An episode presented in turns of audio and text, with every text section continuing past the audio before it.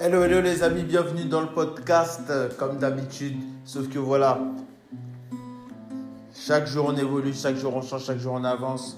Et je voulais te partager aujourd'hui ça.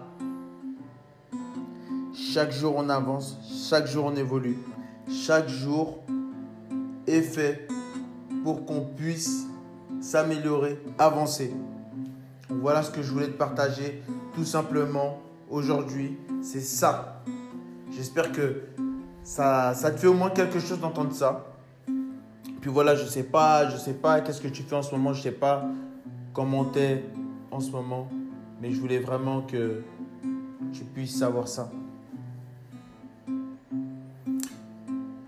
C'est pas de ça qu'on va parler aujourd'hui. Aujourd'hui, on va parler dans ce podcast Devenez inarrêtable devenir inarrêtable. On parlera des autres, du regard des autres.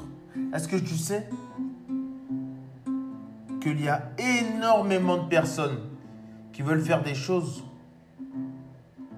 mais ils regardent les autres et ils se disent, mince, si je sors de ce cercle vicieux, ils vont me dire, hum, toi, hé, toi là, T'es bizarre, elle revient et toi, ouais, t'es devenu bizarre, etc.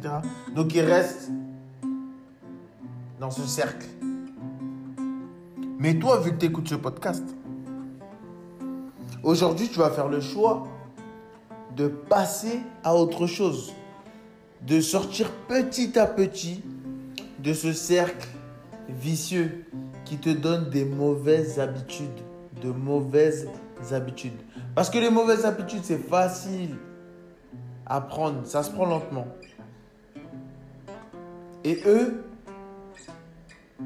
ils font en sorte que tu prennes de mauvaises habitudes. Donc voilà pourquoi aujourd'hui, ou peut-être demain, mais c'était déjà hier qu'il fallait le faire. Donc demain sera trop tard, fais-le maintenant. Tu peux sortir de ce cercle vicieux et te dire que ça y est, je change. Aujourd'hui, c'est ce que je vais faire. Je passe à autre chose. Je vais me lancer pleinement dans ce que je veux faire. Je vais, je vais faire des bonnes choses. Je veux faire ceci, je veux faire cela. Et au final, ce qui va se passer, c'est que ta vie, elle va changer. Mais le plus important dans tout ça, c'est de savoir vraiment qu'est-ce que tu veux. Qu'est-ce que tu veux vraiment? Pose-toi cette question. Qu'est-ce que tu veux vraiment? Tu sais quoi? Je sais pas si tu es dans le métro, dans le bus, ou tu es chez toi ou quelque part, mais prends une feuille de notes ou prends juste ton téléphone et va sur note et écris qu'est-ce que je veux vraiment dans ma vie? Et réfléchis sur ça, note, écris. Laisse-toi 15-20 minutes devant cette feuille quand tu as, le moment. Mais fais-le vraiment et tu verras que ça changera vraiment les choses dans ta vie.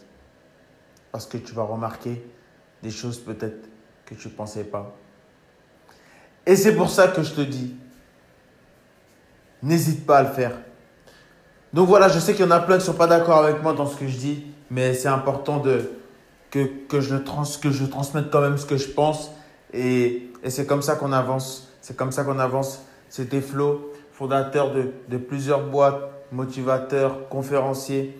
Voilà, tu peux me suivre sur Instagram, Flopambou, sur YouTube, sur LinkedIn. Tu peux me poser tes questions sur, tous ces réseaux sociaux, Facebook notamment. Et on peut, on peut en discuter de tout ça, de, de comment aussi lancer son business. De toute façon, je te le dirai dans les prochains podcasts. Allez, ciao, ciao, c'était Flo.